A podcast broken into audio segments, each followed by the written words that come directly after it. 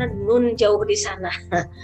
Masyarakat kita kalau bisa Jawa Barat saja itu mereka rata-rata dari 50 juta orang penduduk Jawa Barat rata-rata baru bela belajarnya itu kelas 7 kelas 7 itu kan satu SMP ya nah, jadi berbahagialah Anda yang mahasiswa itu Anda menjadi orang termasuk middle class atau elit yang tadi harus memberikan pembelajaran kepada saudara-saudara kita yang belum beruntung. Jadi kalau mengkomunikasikan itu ya tadi harus jelas, harus mengandung uh, pendidikan, harus mengandung sesuatu kebaikan, gitu maksudnya ya. Oke, okay.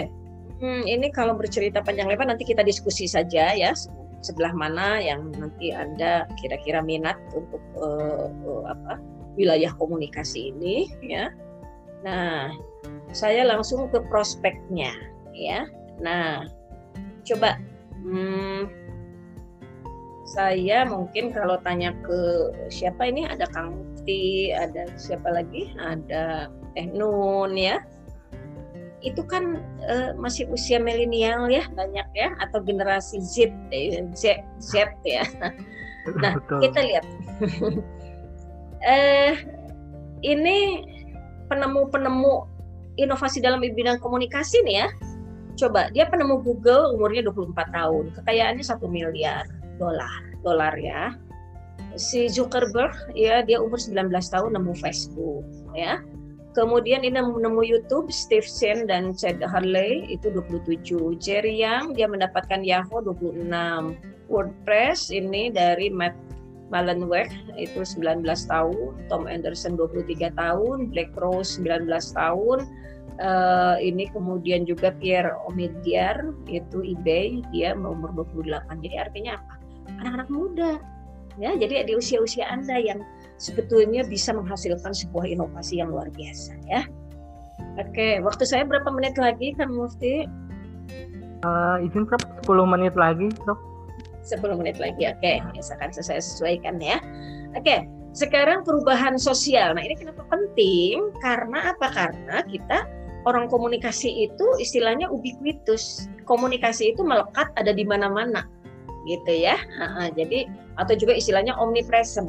Komunikasi itu mau di bidang kesehatan ada, mau di bidang ideologi ada. Kemarin ya oh, ribut oh, Rizik Sihab karena masalah ideologi FPI ramai gitu ya politik campur ya uh, uh, ekonomi juga uh, karena COVID-19 ramai juga uh, masalah sosial budaya hankam uh, ya agama teknologi nah ini ya jadi berubah itu semua ya kita masuk ke era nah ini era globalisasi atau arus globalisasi informasi itu itu sangat deras ya. Jadi kalau ibaratkan itu seperti tsunami bukan lagi air bah ya tapi tsunami itu melanda semua kepada kita informasi ada di mana-mana.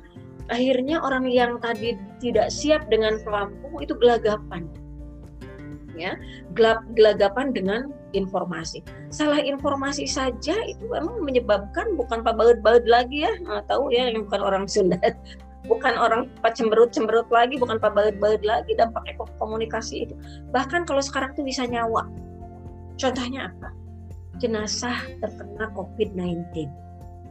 Keluarganya kekeh mau ambil, dimandiin, diciumin. Atau sekeluarga itu terkena COVID-19.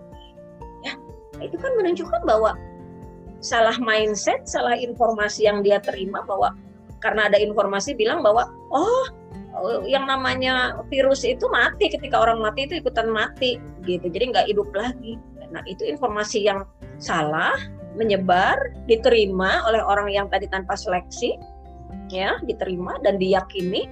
Kemudian dia melakukan perilaku perilaku yang membahayakan dirinya gitu ya. Jadi artinya ini betul semua itu memang komunikasi itu menjadi memegang peran yang penting gitu ya. Oke sekarang juga nampak kebebasan media dan kemajuan teknologi komunikasi itu memang bagai pisau bersisi dua ya. Tadi manfaat atau mudarat gitu ya. Jadi mau uh, positif atau negatif ya itu semuanya itu dengan teknologi komunikasi dan informasi. Jadi orang-orang yang tadi kenapa terjadi gap itu karena tadi sebagian orang bisa memanfaatkan positifnya dari uh, apa teknologi komunikasi informasi sebaliknya dia mungkin juga jadi korban teknologi komunikasi dan informasi. Saya pernah baca di Kompas itu anak SMP uh, riset ya itu uh, saya saya membaca pikiran rakyat dan kompas itu kenapa karena uh, ada riset-riset di sana ya itu ternyata ada anak-anak uh, SD SMP gitu yang menjadi korban penculikan pembunuhan dan maaf misalnya pemerkosaan. Karena dia memperlakukan media sosial itu seperti seolah-olah dia tidak tahu bahwa dalam media sosial itu banyak predator gitu ya. Tapi dia memperlakukan itu seperti dia tidak ngerti bahwa dia difoto, dia kemudian memberikan nomor telepon, memberikan alamat, kopi darat, berkenalan, sambil tidak tahu siapa itu. Bahwa orang itu bisa punya identitas seribu identitas ya di dalam media sosial itu dia dia penipu tapi dipoles aja gambarnya tenuh ganteng, nugelis gitu ya. Tapi sebetulnya dia siapa gitu ya. Nah, itu yang mengerikan tuh di sana gitu ya. Jadi artinya uh, apa uh, betul ini yang nama, namanya media literasi itu menjadi sebuah hal yang penting ya. Gitu.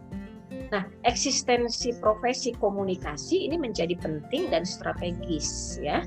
Karena apa? Untuk tadi menge, uh, mengelola secara proaktif untuk memantau tren ya ada tren apa nih kejadian apa isu apa opini publik apa itu bisa mengganggu jalannya lembaga atau sebaliknya bisa membangun reputasi positifnya. Ini bagi siapa pun ya, sebagai kebutuhan.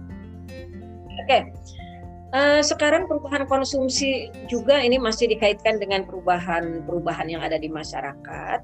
Nah ini, saya berikan gambaran saja bahwa everyday consumer are exposed to a multitude of media choice. Kita banyak pilihan, ya, tergantung kita. Mau milih apa? TV online mobile? Mau milih isinya apa? Ya apakah itu bermanfaat? Apakah itu informasi yang membuat kita terhibur ataukah informasi itu membuat kita kritis? Ataukah informasi itu membuat kita cemas? Ya. Nah saya saya sendiri nih udah setua ini kadang-kadang dilarang nonton TV oleh suami. Kenapa? Karena isi televisi itu isinya kalau sekarang kan lagi ini ya uh, kejadian Sriwijaya. Terus saja gitu ya. Itu tuh uh, membuat kita cemas sedih ngeri ya apalagi juga oh, apa angka-angka COVID-19 tuh naik terus gitu ya. Kalau saya sih merasa kita harus sehat jiwa dan raga. Itu uh, juga ini kembali nih nantang penelitian kalian yang mahasiswa ya. Itu sejauh mana sih kalau terpaan yang negatif-negatif itu membuat kita cemas. Jadi sejauh mana pengaruh dari informasi negatif terhadap tingkat kecemasan atau tingkat kesehatan mental seseorang, ya. Nah, kalau tadi kan penelitian di Amerika betul ya, itu. Nah, coba di itu orang Amerika, coba di Indonesia seperti itu enggak gitu ya. Oke. Nah, inilah media konsumsi ya, media consumption generasi Z ya. Nah, ini mungkin Anda usianya yang antara 16 sampai 23 nih. Nah, Anda masuk kategori generasi Z ya. Jadi ternyata ini yang paling banyak itu media online tetapi video katanya ya. Terus ada lagi generasi milenial. Nah, ini untuk dosen-dosennya nih umur 24 sampai 37 tahun. Banyaknya apa nih? Oh, ternyata banyak online TV atau streaming katanya ya. Ini silakan nanti dipelajari ya. Ternyata tiap generasi itu mengkonsumsi media yang macam-macam. Nah, ini generasi Z. Nah, generasi Z itu uh, sorry, generasi X itu umur 5, 18 sampai 56 tahun. Nah, ini lebih banyak broadcast televisi katanya ya atau juga surat uh, apa ini uh, radio atau juga buku katanya ya. Nah, ya tadi Nah, ini baby baby boomer ya. Boomer. Boomer itu 57 tahun sampai 64 tahun. Nah, saya ada di sini ya. ini ternyata lebih nyaman baca buku, baca koran gitu ya dan uh, nonton TV juga ya. Oke. Nah, sebetulnya ini uh, yang sekarang nah itu uh, ada tiga wilayah yang nampaknya orang-orang komunikasi itu harus punya uh, harus memanfaatkan Anda sebagai produsen maupun Anda sebagai konsumen yaitu yang namanya teknologi literasi, information literacy dan media literasi ya. Itu nah, kalau teknologi kita memahami tentang eh, kemampuan skill ya seseorang ketika dia bekerja, kemudian juga uh, bagaimana Anda berkolaborasi, bagaimana tapi juga mempertanggungjawabkan, kemudian penggunaan ya atau akses terhadap uh, hardware ya, terhadap teknologi perangkat ya, itu bagaimana Anda memanfaatkan sistem-sistem uh, apa informasi ini. Ya memang kita harus kolaborasi nih kolaborasi sama programmer, kolaborasi sama orang IT gitu ya. Karena orang komunikasi itu kita tidak mempelajari hardware-nya tidak, ya itu orang teknik ya. Nah, jadi ini hardware about new media ya. Itu bagaimana kita memanfaatkan secara optimal. Nah, ini terkait dengan information literacy. Kalau ini adalah akses informasi, bagaimana kita uh, memiliki kebebasan untuk uh, upload, mengekspresikan, menyebarkan gagasan kita ya, untuk menyebarkan uh, siapa kita gitu ya. Uh, sampai juga tadi untuk mendidik ya. Nah, jadi uh, information media and information literacy ini adalah uh, kemampuan untuk mengakses, menganalisis dan mengcreate media ya itu pada semua orang ya dengan sudah barang tentu kita dibatasi oleh undang-undang ya ada undang-undang pers, ada undang-undang perfilman, ada undang-undang ITE, ada undang-undang keterbukaan informasi publik ya, ada undang-undang penyiaran itu kita juga harus tahu ya. Prof, Apa izin, fokusnya? uh, satu menit konten. lagi, Prof. Oh ya, konten dan tekstual analisis ya. Oke, satu lagi media literasi ini fokusnya kepada institu- institusional media dan audiens efek eh, dari pesan media. Nah, ini bagaimana mempersiapkan diri dalam era industri 4.0? Ya, ini terakhir ya. Ini selain kita sebagai bangsa Indonesia yang harus memiliki karakter religiusitas, mandiri, nasionalisme, gotong royong dan integritas, tapi kita punya kepribadian yang eh, bisa dibaca. Disiplin, pandai manajemen waktu, kerja keras dan kerja cerdas, kreatif, inovatif, siap kolaborasi dan bersinergi, menghargai proses ya, jangan generasi instan gitu ya, tangguh menghadapi tantangan dan memiliki kecerdasan, IQ, EQ, SQ dan kecerdasan informasi atau kecerdasan komunikasi. Ini keterampilannya ya, creativity, uh, communication kolaborasi, research, information literacy, digital citizenship, dan juga bagaimana mengoperasionik operasionalkan teknologi. Yang terakhir sekali, inilah skill yang dibutuhkan dalam menghadapi industri 4.0 ya.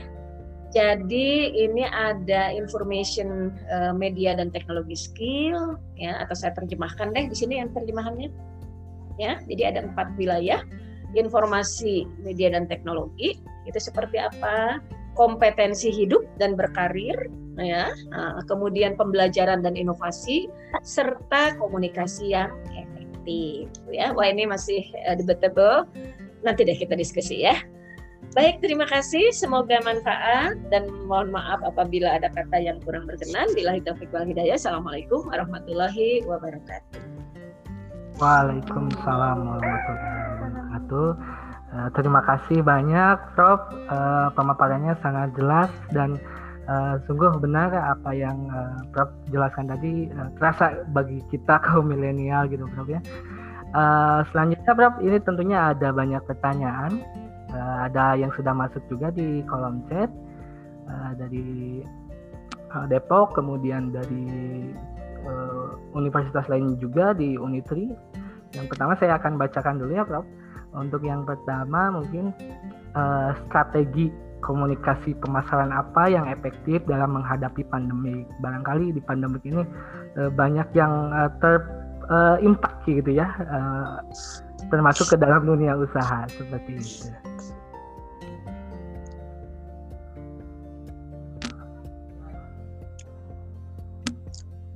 Ini kita tanya jawab langsung saja, eh, Kang Mufti, atau satu-satu gitu, atau mau oh. dikumpulkan dulu aja nanti oh, saya jawabnya dulu sekaligus ya. ya. Oke, okay, baik. Oke, okay.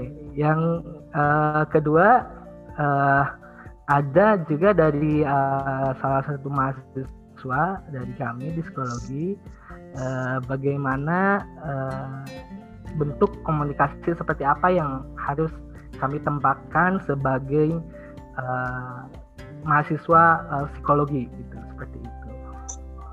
Ya. Uh, kemudian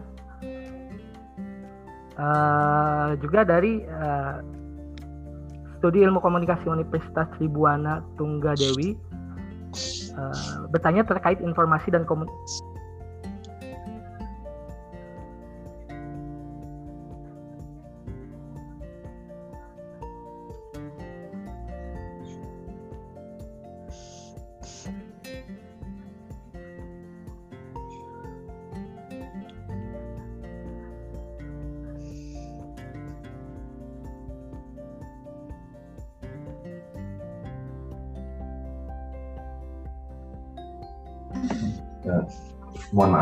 uh, ya moderator ada kendala di jaringan saya lanjutkan Prof uh, pertanyaannya. Yang ketiga Assalamualaikum warahmatullahi wabarakatuh. Perkenalkan nama saya Damianus Davis Mais program studi ilmu komunikasi Universitas Tribuana Tunggadewi Malang. Izin bertanya terkait informasi dan komunikasi yang telah dijelaskan Ibu kita sebagai anak muda milenial agen perubahan, bagaimana cara kita mencegah berita atau informasi yang mengandung hoax yang tersebar melalui media-media massa saat ini. Terima kasih. Selanjutnya Bu, satu pertanyaan lagi dari dosen kami, Bapak Arif. Melihat perkembangan dari prospek yang ada, apakah mungkin ke depannya ilmu komunikasi bergeser menjadi ilmu yang berbasis vokasi dan sarjana sarjananya pun apakah akan menjadi sarjana vokasi? Sekian, terima kasih. Nah, baik. Uh, ini ini Kang Mufti ini ya apa uh, menghilang-hilang nih. Ya. Tapi nggak apa-apa ya. Uh, Nah, ini ini ada pertanyaan lagi di, di kolom chat, tapi nggak apa-apa eh, empat dulu aja ya. Ini yang pertama ya. tentang strategi uh, komunikasi pemasaran yang efektif dalam pandemik ya.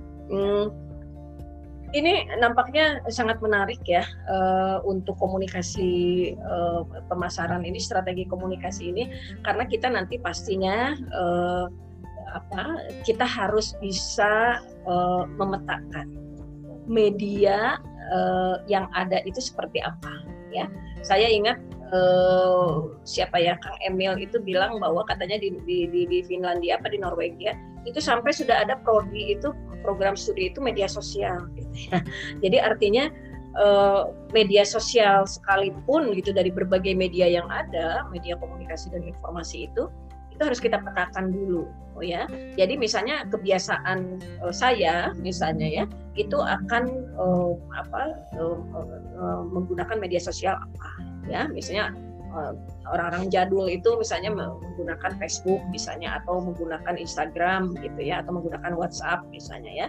Nah kemudian juga uh, dengan kondisi yang sekarang uh, itu tuh Facebook atau media sosial itu bisa sampai memetakan kita ini punya kebiasaan seperti saya misalnya sedang mencari rumah, mencari tanah gitu ya, atau sedang mencari kuliner gitu.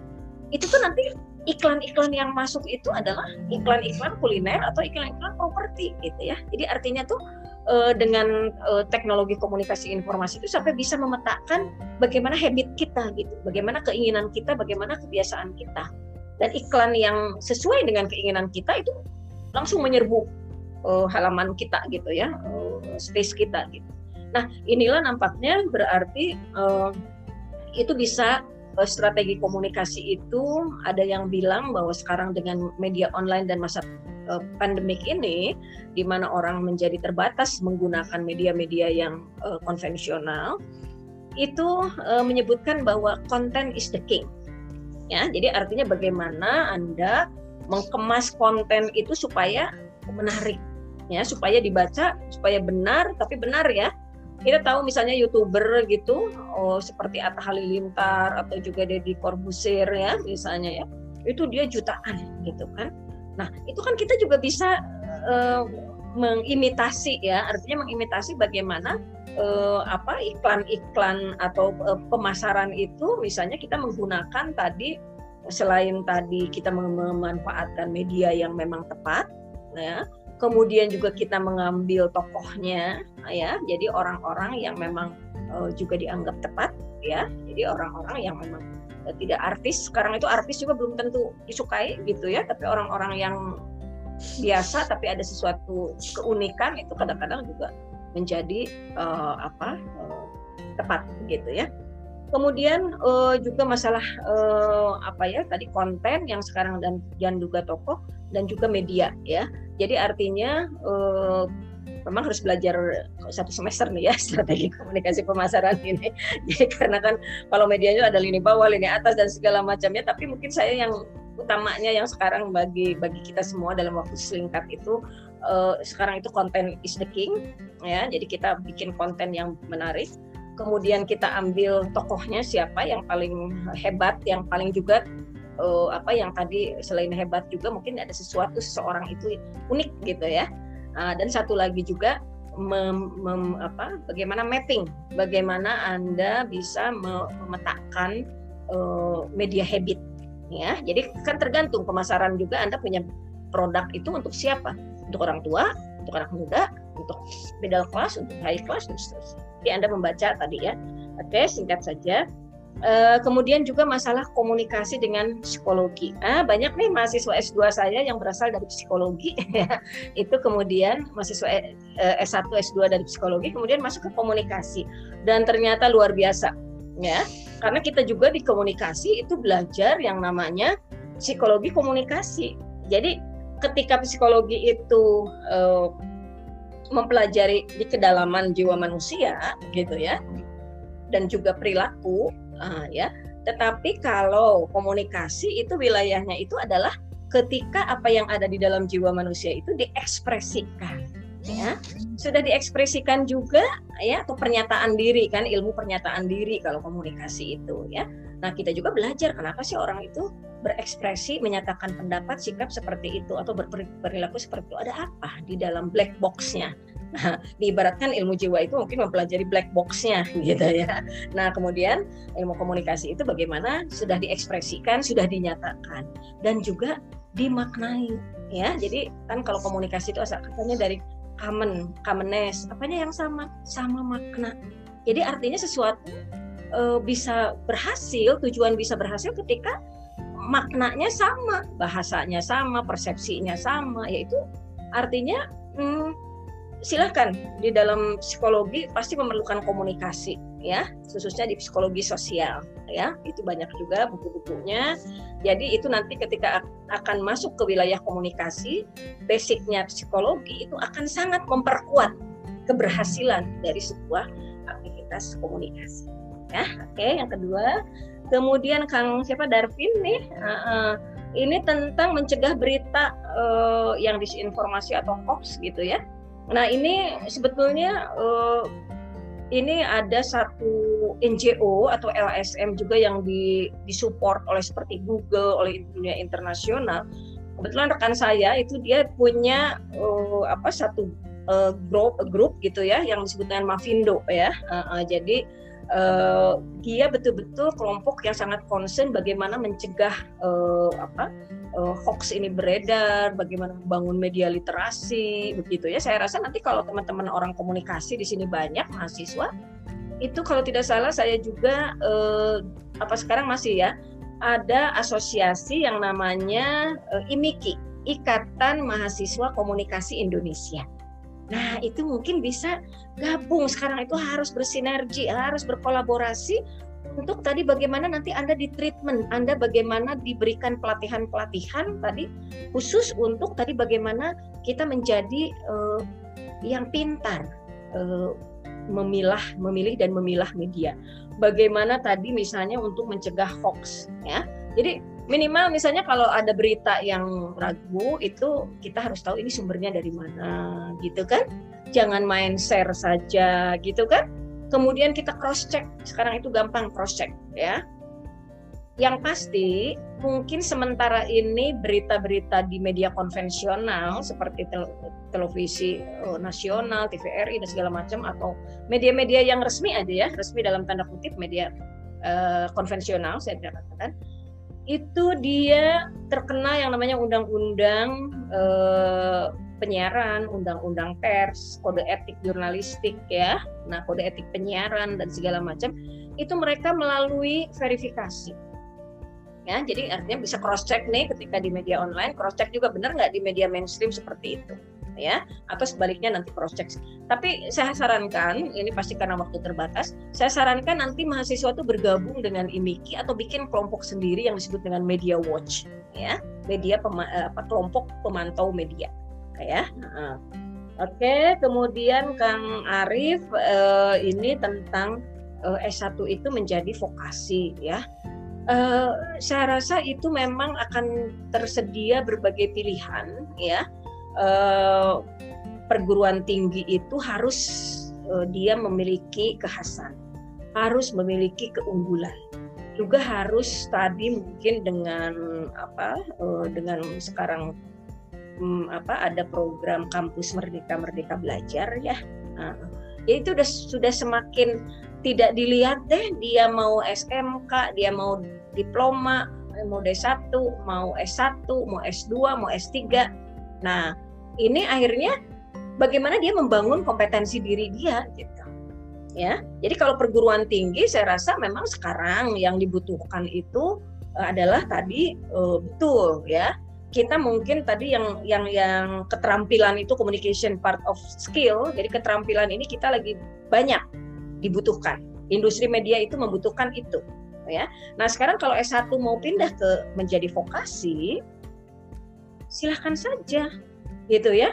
Tapi perguruan tinggi juga harus menyediakan. Ini ada sebagian juga orang mahasiswa yang dia juga ingin menjadi ilmuwan, dia juga ingin menjadi saintis. Nah, jadi silahkan. Jadi memang S1 itu itu adalah tergantung dari pilihan eh, apa? Pilihan dari eh, Hmm, pengelola ya jadi mau milih S1 vokasi atau mau milih uh, apa eh, S1 uh, eh, yang yang sifatnya umum gitu ya.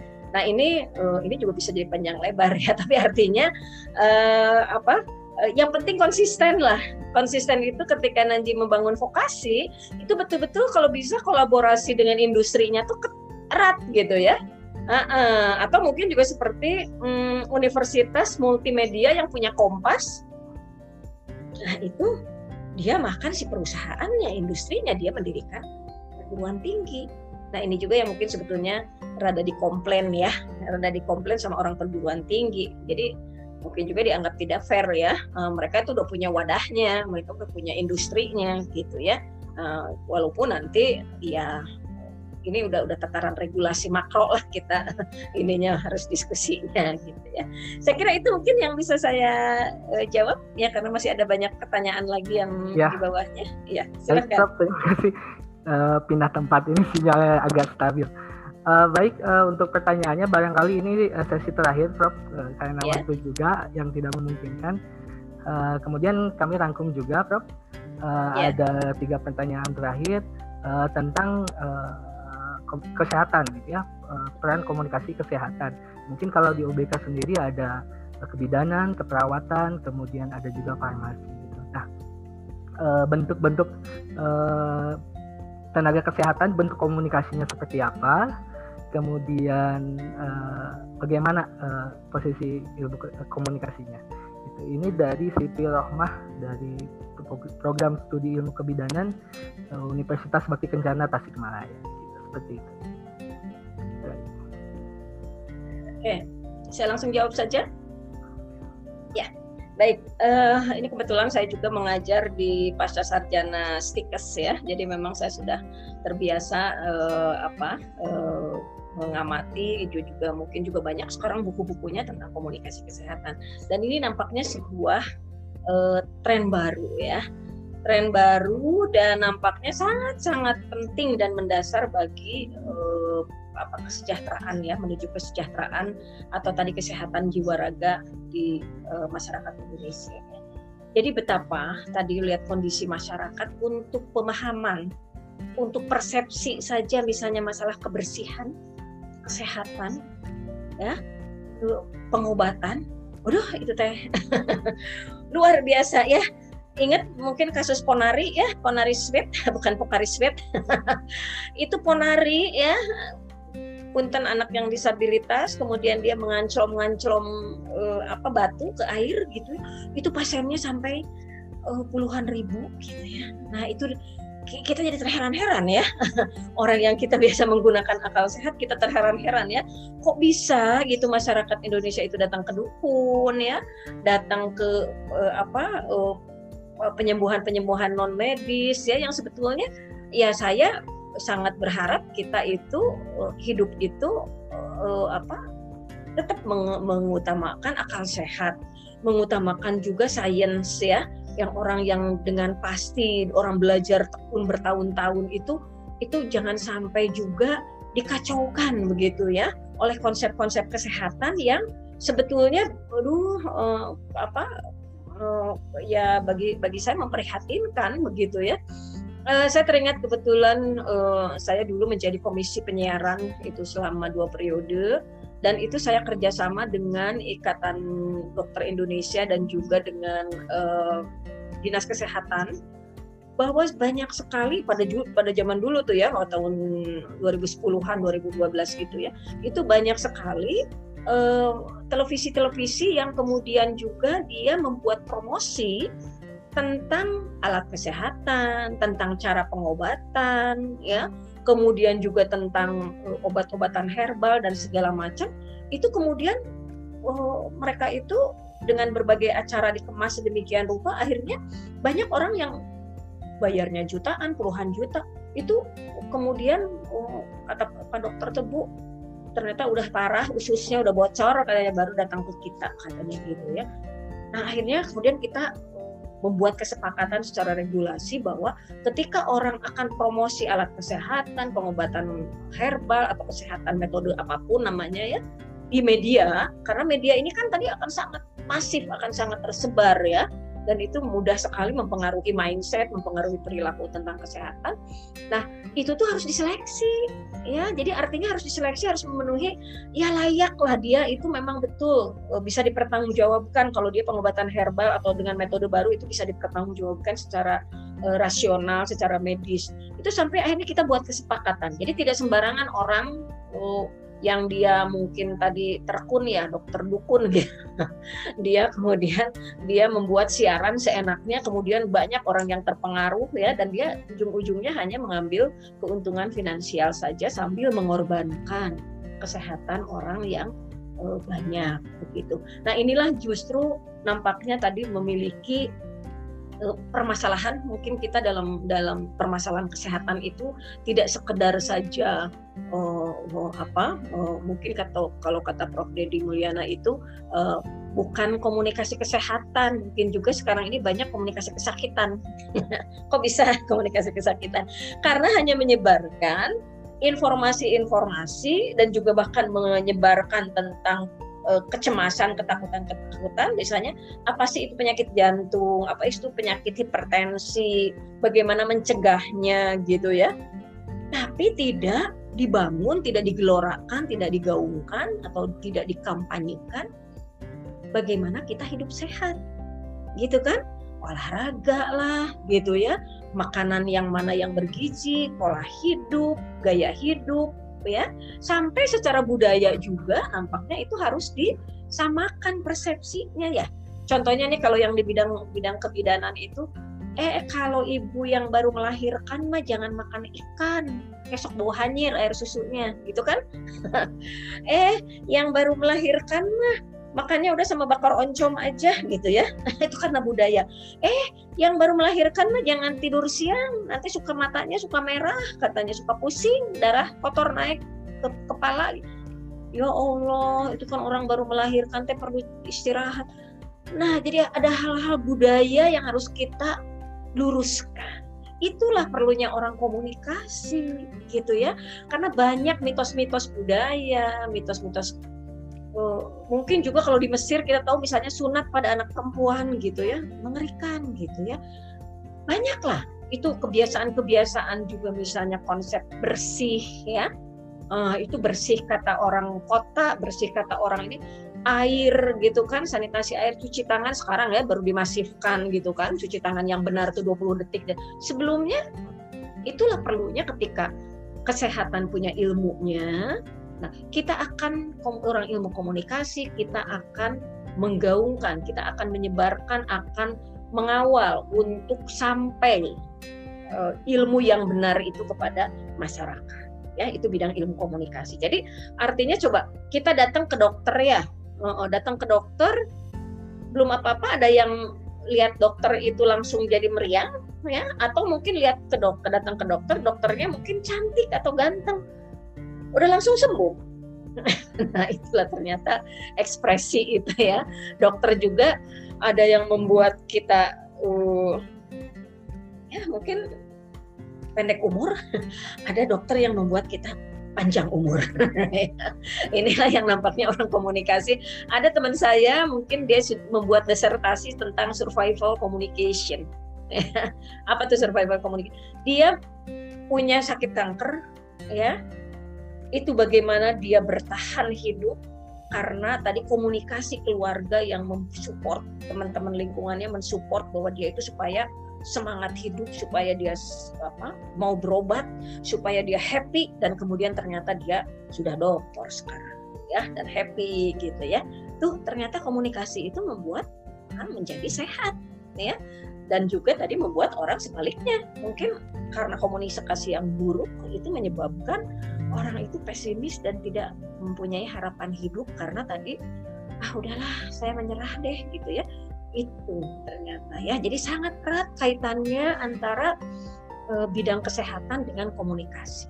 Bidang kesehatan akan semakin uh, sukses, akan semakin cepat, akan semakin berhasil ketika didukung oleh kepandaian Saya kira itu mungkin ya. Iya, baik Prof. Uh, sangat menarik sekali dan uh, mendalam.